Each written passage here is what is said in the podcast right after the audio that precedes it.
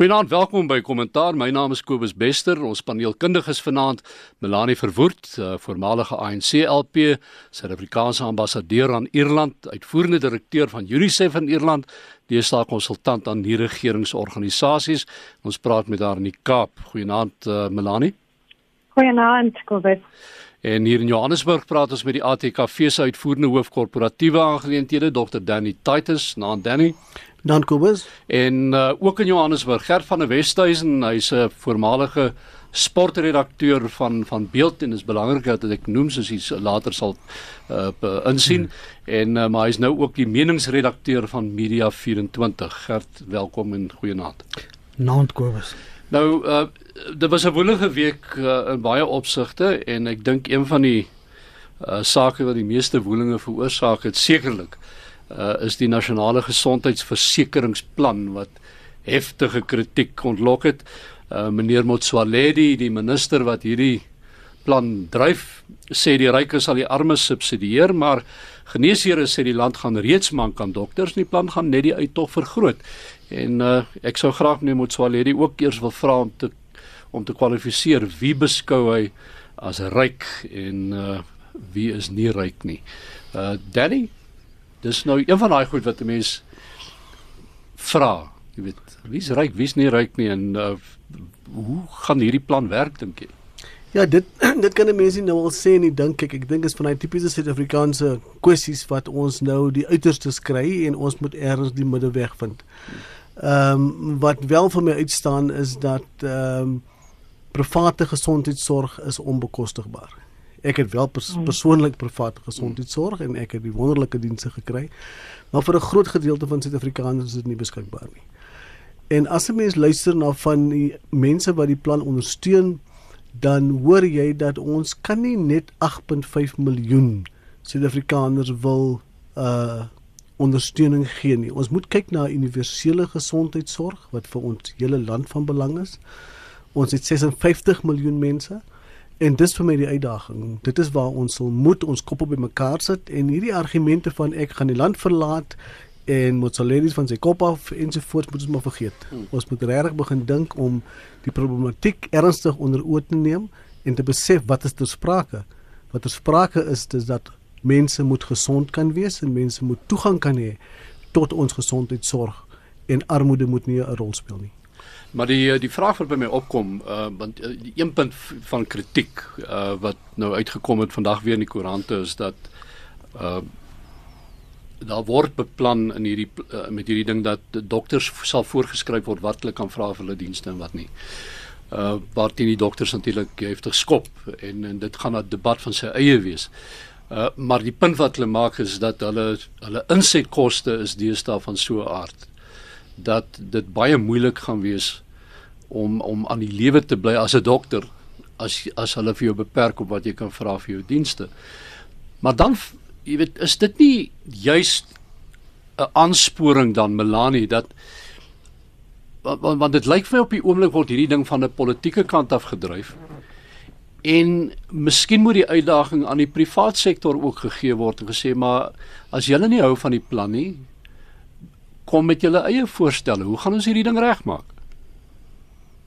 Melanie? Ja, absoluut, absoluut. Maar die ding is natuurlik dat as mens eerlik is dat vir baie van die private sektor mediese dokters is geld 'n groot deel daarvan. Is en jy weet dis ons self weet dis ek stem met alles saam wat hy het gesê het. Ehm um, jy weet ek het self 'n private mediese diens. Maar tussen drie van ons is ons ek moet alles betaal. Ek is nie gesubsidieer deur deur my werk of enige iets nie.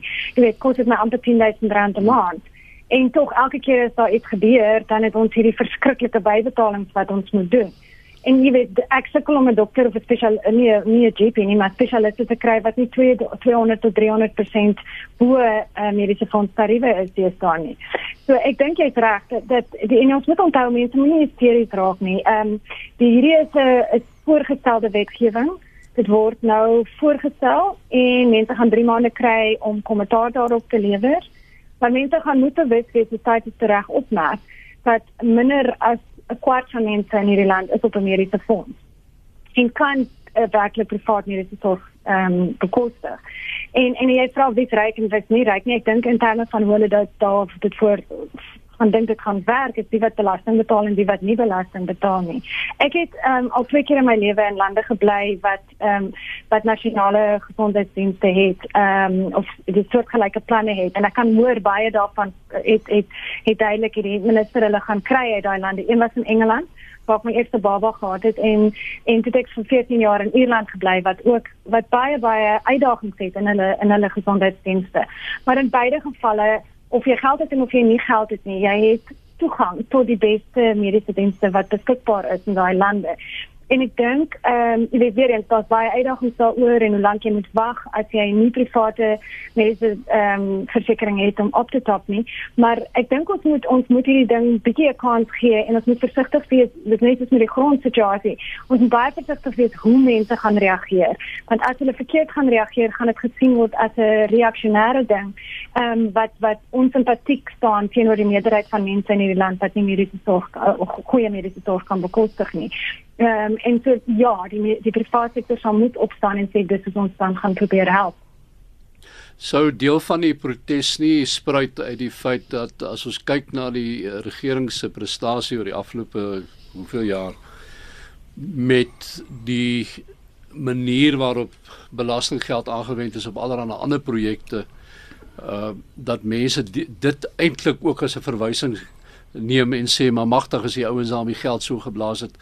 Ek het nie vertroue in hulle om nou weer hierdie ding suksesvol aan te pak nie. Ja, ek dink uiteraard is dit die geval. Mense is bekommerd oor wat van hulle belastinggeld word, maar ons moet besef en ek dink Melanie en Danny het dit ook nou aangeraak. Gesondheidsorg is een van die belangrikste dinge in die land. Dit gaan nou al lank nie goed met gesondheidsorg nie. Iets sal gedoen moet word. Hmm.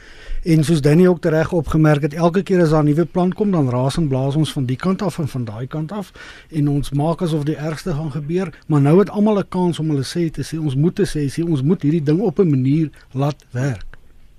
So die uit die die uitdaging eintlik vanaand is aan aan alles uh, Suid-Afrikaners wat insette kan lewer of wil lewer en so aan is lewer daai insette en maak voorstelle, moenie ding net Ja, van, ja, jy kan nou nie na die tyd as jy niks gesê het nie en daar word iets ja. ingestel en kan jy nie sê o, gats, maar ek wou dit nie gehad het nie, dan gaan iemand net vir jou sê, "Maar hoekom het jy nie iets gesê nie?" Jy weet in in, in gesondheidsorg is ontsettend duur. Dit is verskriklik duur. Jy weet, mm. ons soos Melanie tereg opmerk, jy betaal 10000 rand 'n maand en dan gaan jy 3, 4 keer die dokter en sê, "O, gats, nee, maar nou is jou doktersbesoeke op." Nou mm. moet jy nou moet jy weer betaal vir 'n dokter. Dan praat ons nie eens van spesialiste of van tandesorg nie. Ja. Wat ongelooflik duur is. Dis eintlik onbekostigbaar. Dan gaan dit klink vir my met 'n goeie mediese sorg kry, ek weet nie. maar nee. Ja.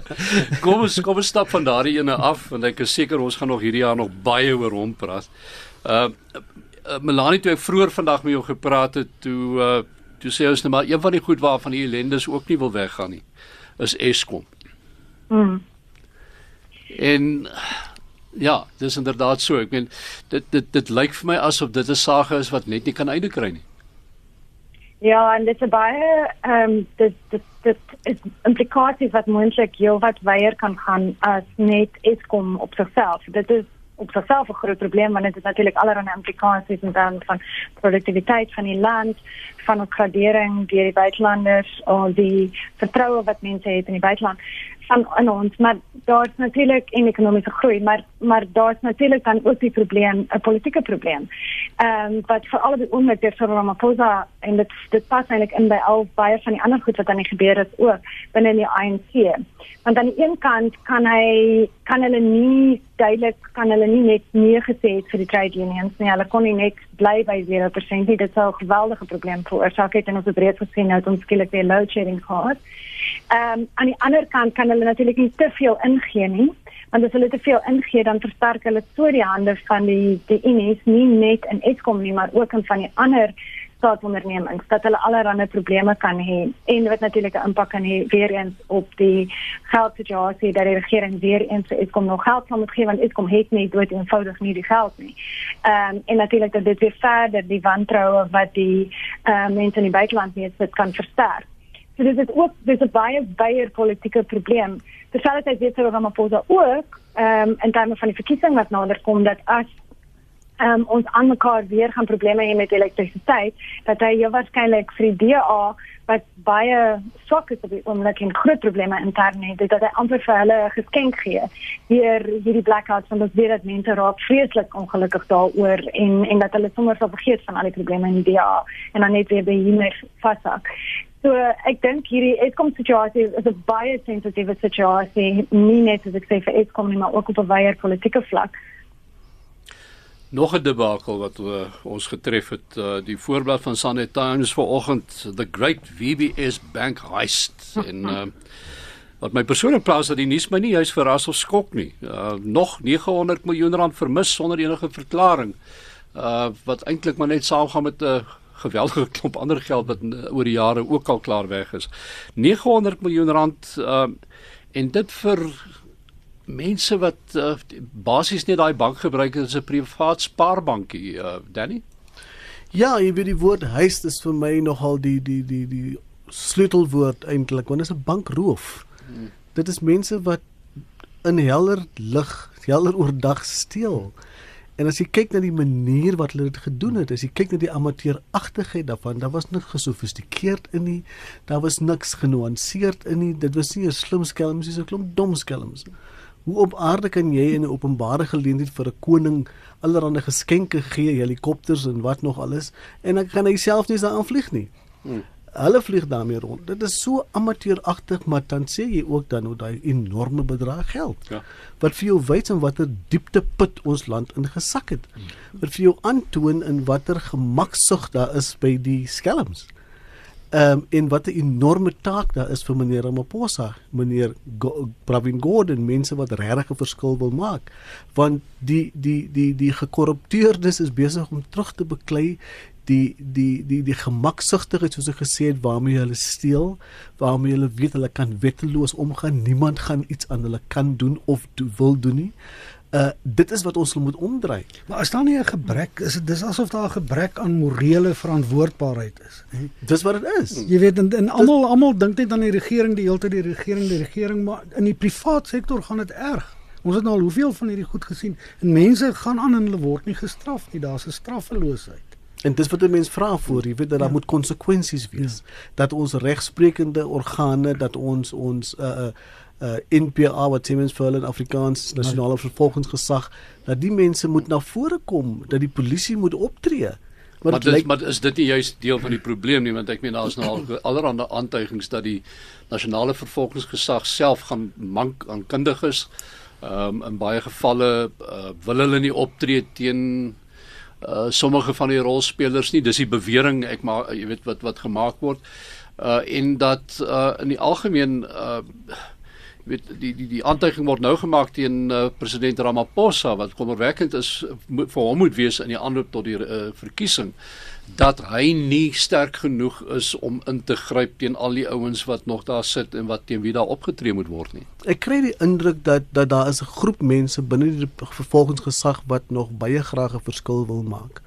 Hmm. Ehm mm. um, ek het ek het uh, Vrydag het ek weer met iemand kontak uh, gemaak met ek was jare gelede self 'n staatsanklaer wie nog steeds in die, in die as 'n staatsanklaer werk, baie senior persoon en hy sê vir my, weet jy, daar is nog van ons wat 'n verskil wil maak. Daar is van ons wat wat wat nog ruimte sien om die vervolging in te stel en en uh integriteit daaraan te wil gee. En ek dink met die afwesigheid van Zuma en die teenwoordigheid van Ramaphosa wat nou maar 5 4 maande is, is daar vir hierdie ouens nou regtig ruimte. Ek was baie geskok toe ek by die openbare beskermers verhore gesien het. Jy weet hoe hulle die mense moes aanstel toe hulle vir Willie Hofmeyer vra wat doen jy deesdae Willie?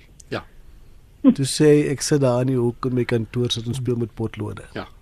Hy wat aan die hoof was van die van daai prosesse. En, en dit is die kundigheid wat daar bestaan wat hulle moet gaan terugbring. So so ek ek hoop regtig dat die ombeswaai gaan kom dat ons dat ons ook vir hulle kan aanmoedig om om hulle werk beter te doen.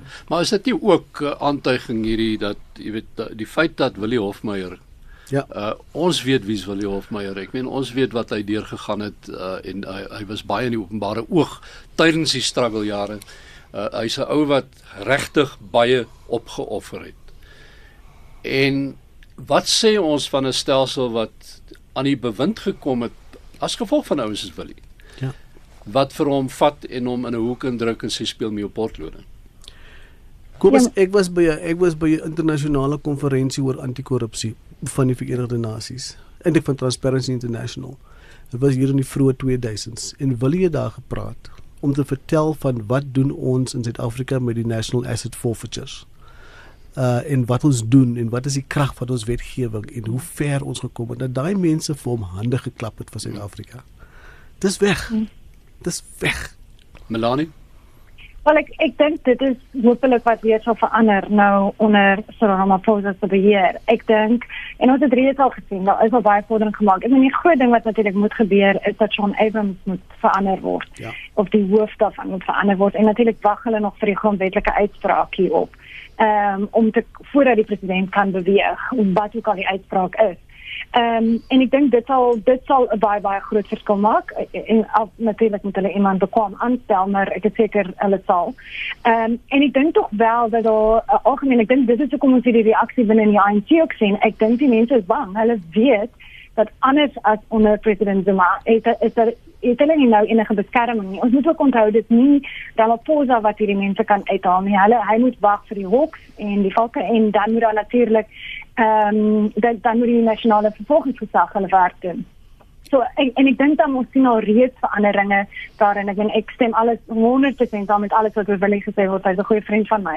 En ehm um, ek dink dis nie net hy wat bekwam is daar nie. Daar's baie bekwame mense nog in die vervolgingsgesag.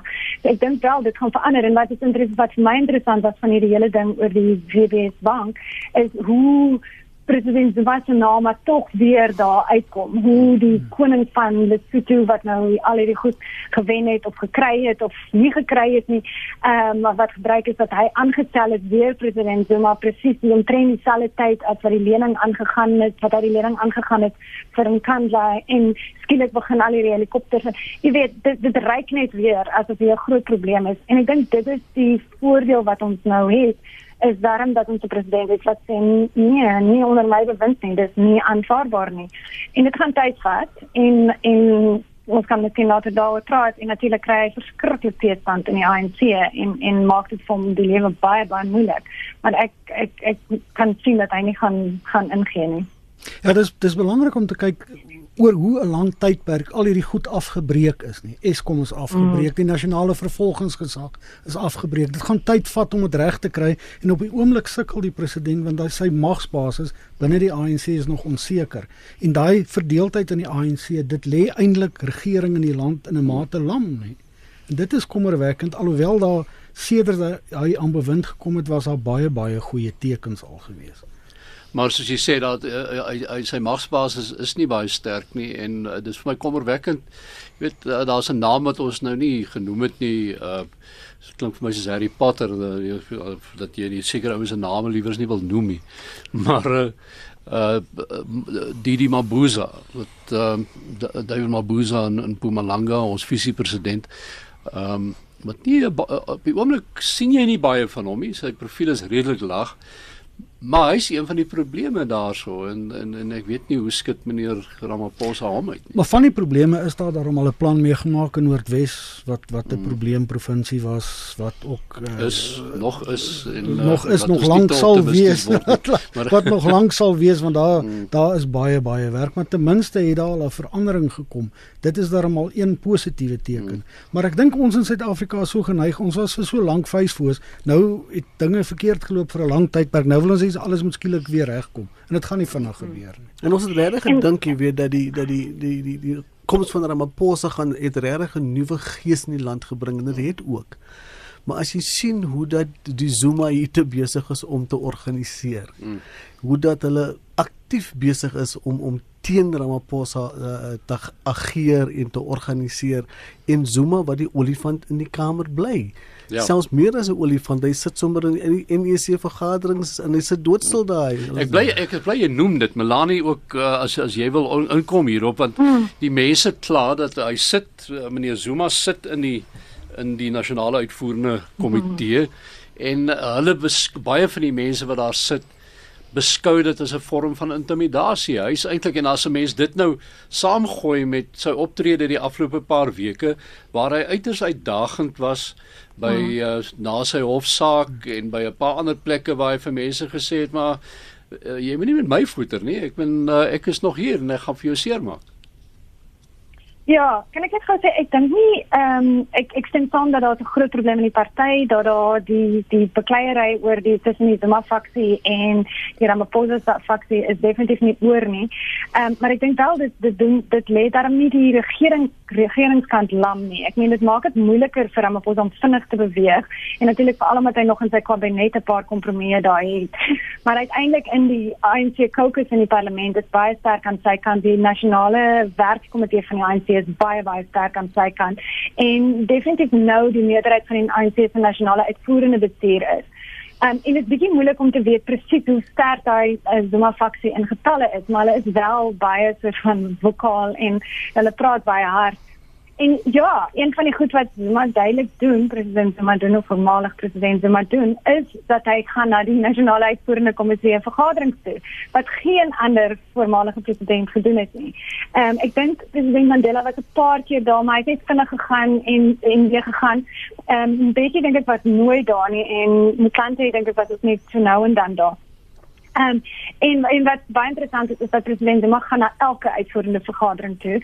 Um, ek verstaan dat by een of twee hy wel gepraat. Die koerante vandag sê dat hy nooit praat nie, maar ek het verstaan dat hy wel ook gepraat het by een of twee en dat hy nie altyd ook in die agterrye sit nie. Hy sit dikwels in die voorste ry. So as jy nog praat van intimidasie, maar dit dis tog duidelik wat hy doen. Ek meen hy sê as jy gaan ons praat oor my gaan jy net na my gesig toe doen en ek gaan nie sit. So ja, natuurlik is dit 'n vorm van van intimidasie. En mens kan amper glimlag oor hoe kinderagtig dit amper is om om om om dit te doen.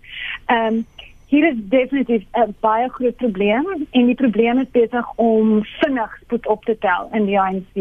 Dit het natuurlik te doen met die verkiesing wat kom en daar is geen twyfel dat die company in in in in, in die Zuma faksie gaan probeer om van Cyril Ramaphosa aan klaar te raak. Nee, hulle hulle sê die hele tyd in die media nee, dit is nonsens, ons aanvaar dit, maar dit is nie waar nie.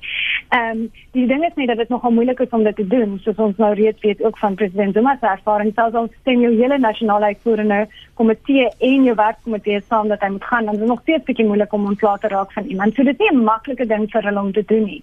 Ehm um, maar dui en maar duidelik vir Ramaphosa om sy volle aandag te kan gee aan die hervormings en so aan, is dit belangrik dat hy so vinnig as moontlik beheer kan kry in meeste van die provinsies. Hy het nou wel daan geslaag hierdie naweek met Limpopo. Dit is hoofsaaklik mense in die topbestuur wat wat wat Ramaphosa ondersteuners is. Hy het nie daan geslaag in in Vrystaat nie. Um, en ons twyfel of hy dit gaan regkry in KwaZulu-Natal. Ehm um, ten ten sy hulle daar een of ander onderhandel be ooreenkoms kan kry oor 'n gemengde lys. Lyk dit nie lyk dit asof sommer kan nog steeds gaan wen. En ons weet dat bietjie probleme in Gauteng alhoewel hy daar behoort te wen, maar dit beteken nog steeds dat daar in meeste van die ou sogenaamde premiersliga provinsies Um, en dan KwaZulu-Natal wat by verre weg amper 2/3 meerderheid van die ANC se lidmaatskap is dat hy nog nie 100% beheer daar het nie.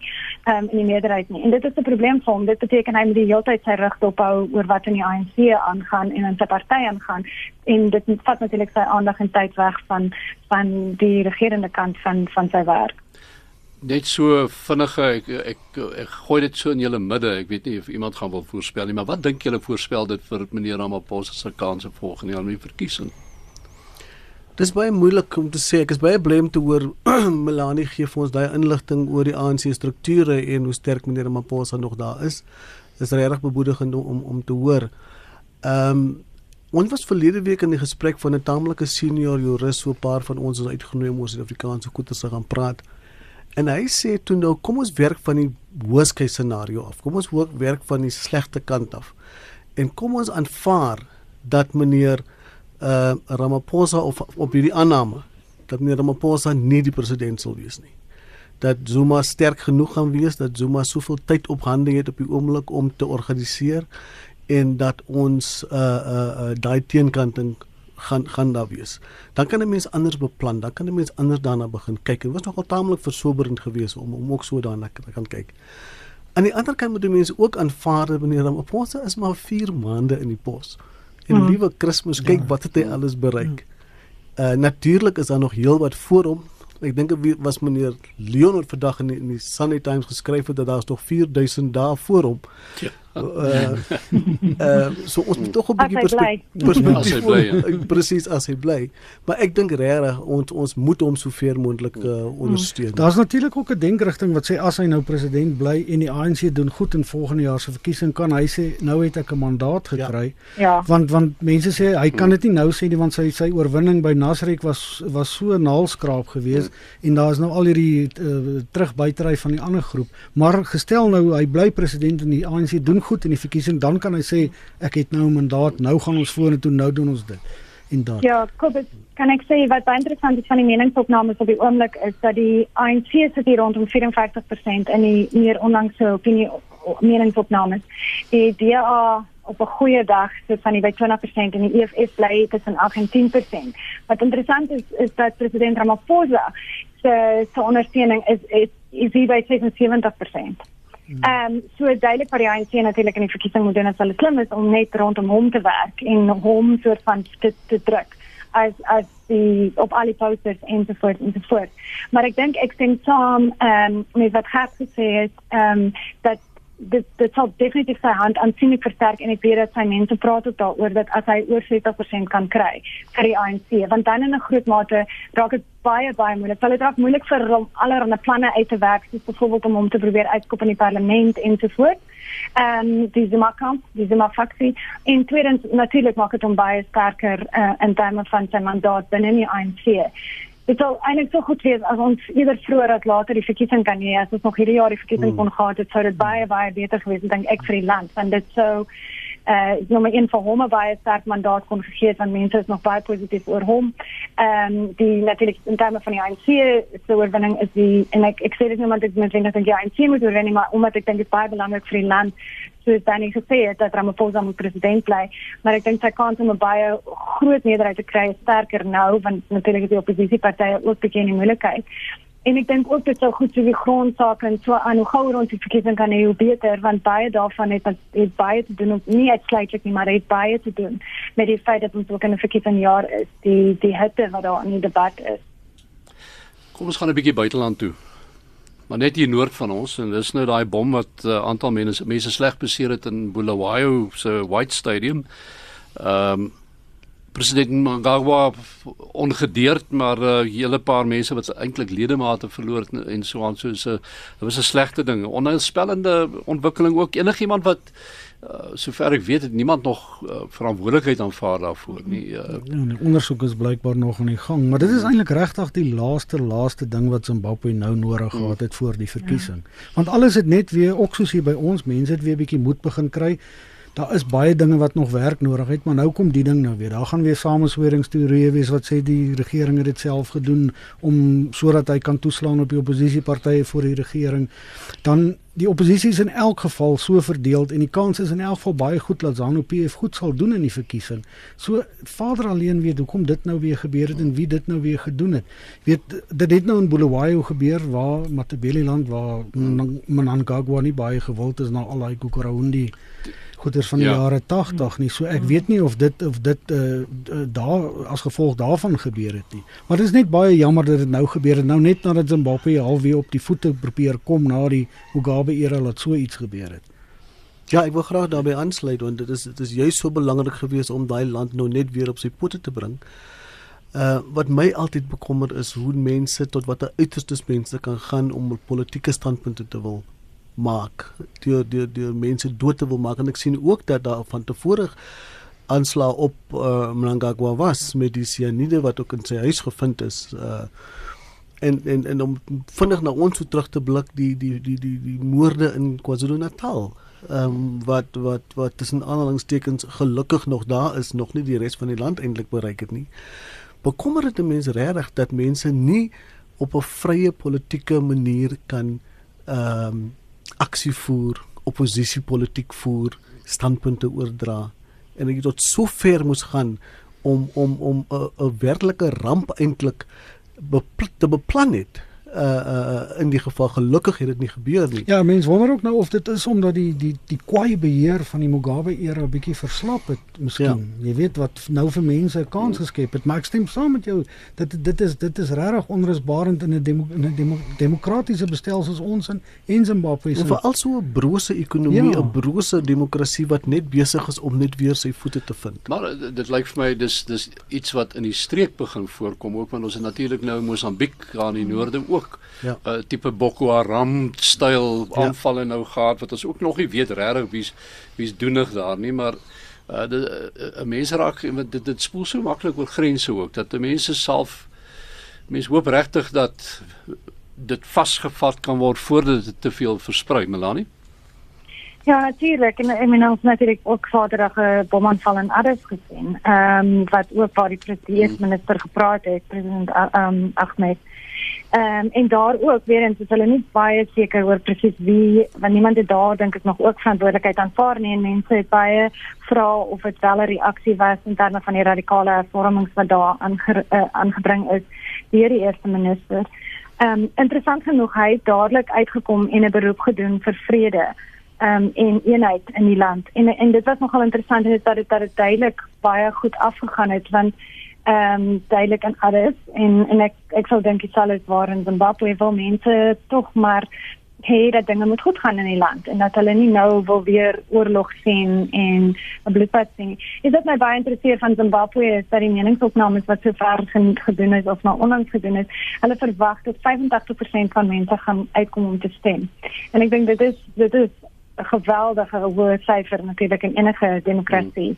Ehm um, dit bietjie laer as wat dit in wie by ons is tussen die Tsitsano en die MDC wat dan die meningsopnames het gewys het 42% vir Emerson en dan 31% vir Nelson Chamisa wat wat die leier is van die MDC nou en nou Tsangarai se doen. Maar so dit is nie vreeslik ver uit mekaar uit nie, maar dit maar dit is tog interessant dat dit duidelik die passie wat daar is en as mens ook met mense hier praat wat van Zimbabwe is of hoe, hoe verskriklik hulle uitsien daarna dat dinge net weer moet beter gaan en dit natuurlik 'n impak op ons ook hê as dit baie goed gaan met Zimbabwe ja. weer dat baie mense wil terug gaan sien toe. Dan Amerika, ek weet dis iets waarin jy ook uh, mm. baie belangstel president Trump se administrasie kom nog aan dat hulle gaan nou nie meer immigrante kinders in draadhokke aanhou nie. Ja. Uh maar jy weet mense kry die indruk dat dit nou nie menslike-oorwegings is wat die deurslag gegee het nie. Nee, ek meen wat 'n ongelooflike skandvlek op Amerika. Hierdie laaste week, die die verskriklike dramatiese goed wat ons gesien het op televisie. Ehm um, oor kinders wat weggeneem word van hulle ouers af. Ehm um, almal word in draadhokke gesit. Ehm um, dit is net werklik dit is baie moeilik om te begryp hoe sulke goed kan gebeur nog in 'n sogenaamde ehm um, ontwikkelde land soos Amerika. En natuurlik het Trump aanvanklik gesê dat nee, dit kan nie dit kan nie verander word nie, dit moet deur die deur die kongres verander word, maar toe het hy nou op die ou end iets geteken wat nou wel sê dat dit kan nie verder aangaan nie. Maar daar's nog allerlei vrae, soos daar's nog dit groot onduidelikheid oor wat gaan gebeur met die so wat 2300 kinders wat nou weg is van hulle ma's en hulle ouers af ehm um, en hoe vinnig kan hulle weer versoen word met mekaar of by mekaar uitgebring word. En toe net om so van sout in die wonde te vry het ons toe hierdie vreemde situasie waar Melania Trump na die na die kinders gaan kyk het en 'n baadjie dra waarop agter toe sê um I don't care do you. En wat die hele wêreld so van laat wonder wat het sy nou eintlik probeer sê? Sy duidelik iets probeer sê. Um, want hy het weer eens die baadjie gedra op pad terug toe daar nou 'n groot aanmok op sosiale media was. En gegee word die Amerikaanse stelsel en hoe ehm um, hoe vreeslik hulle beheer word deur die politici deur die mense rondom hulle adverteerders en so aan is daar geen kans dat hulle nie geweet het dat dit 'n groot kabaal veroorsaak gaan veroorsaak nie en selfs al het hulle dit nie geweet nie dat dit toe reeds een veroorsaak het en sy het weer op pad terug op die vliegtuig gedra en by die Withuis aangekom en oorgestap na na president Trump se kantoor te met die baadjie aan. So sy definitief iets probeer sê. Die groot vraag is net wat presies het sy probeer doen met daai baadjie. Nou ja, kom ons los hulle ook net maar vir 'n oomblik daarso want daar's nog 'n paar ander goed wat ons nou vanaand nog oor moet praat. Nou ons gaan nou so 'n bietjie oorstap sport toe. Verlede naweek uh, op, op op hierdie program het ek 'n geval gehad waar twee van my paneellede gesê het maar kyk uh, die een het glad nie die rugby gekyk nie, die ander een gesê kyk nooit sport nie. So uh, ek het gelukkig aan een paneel het gehad. Jan Jan Joubert het uh, met vleiende vaandels vir ons daar deurgekom met die met die rugby storie. Uh maar uh, kom ons kyk gou. Bokke verloor 22-10 teen Engeland. Gert en uh, maar dis nie vir my treinongeluk nie vir jou? Nee, glad nie. Nee, glad nie. Dis eintlik 'n wonderwerk laat ons die eerste twee toetse gewen het moet ons sê jy weet want want net soos met die land se politiek was daar verlang het daar nie veel aangegaan nie mm. en net soos met die land se politiek verwag ons dat alles moet ewe skielik nou net weer regloop en ons moet nou al die wedstryde wen en ons mag nie weer verloor nie ek is verseker daarvan dat ons voor ons weer sukses gaan hê gaan ons moet bereid wees om meer te verloor as wat ons wen wat vir my baie uh, uh, opvallend was van die reeks is die waagmoed van die afrigter dat hy dit gewaag het om jong spelers te kies en 'n groot groep te kies en en en hy het kanse gewaag en dit het gewerk. Dit het nou nie Saterdag gewerk nie. Die weer was teen hulle in Engeland het takties baie beter gespeel en so aan. So dis regtig nie 'n ramp nie. Dis Engeland se tipe weer. Ek wil vir my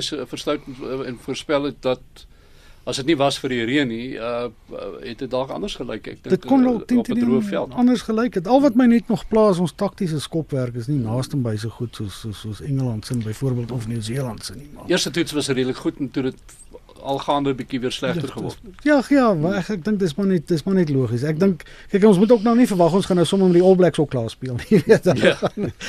Kom nie. Maar nou, kom nie.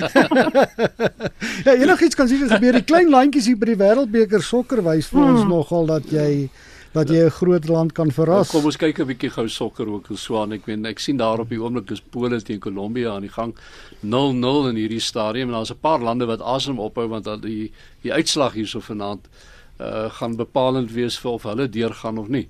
Ja, ek dink Senegal sal graag wil hê die wedstryd moet 0-0 gelyk op eindig, dan gaan hulle baie goeie kans hê om deur te dring. Hmm. Ehm um, dit is jammer die Afrika lande het nie so goed gevaar soos wat 'n mens vermoed het nie alhoewel Nigerië het nogal baie goed gedoen na die aand teen hmm. teen IJsland as hulle ja. kan voortgaan op daai trant sal sal hulle dalk vir Argentinië verras. Net interessant genoeg dat iemand het vir my genoem dat IJsland is 'n land as jy nou gaan kyk hoe goed het hulle gedoen en die feit dat hulle gekwalifiseer het vir hmm. hierdie uh, wêreldbeker.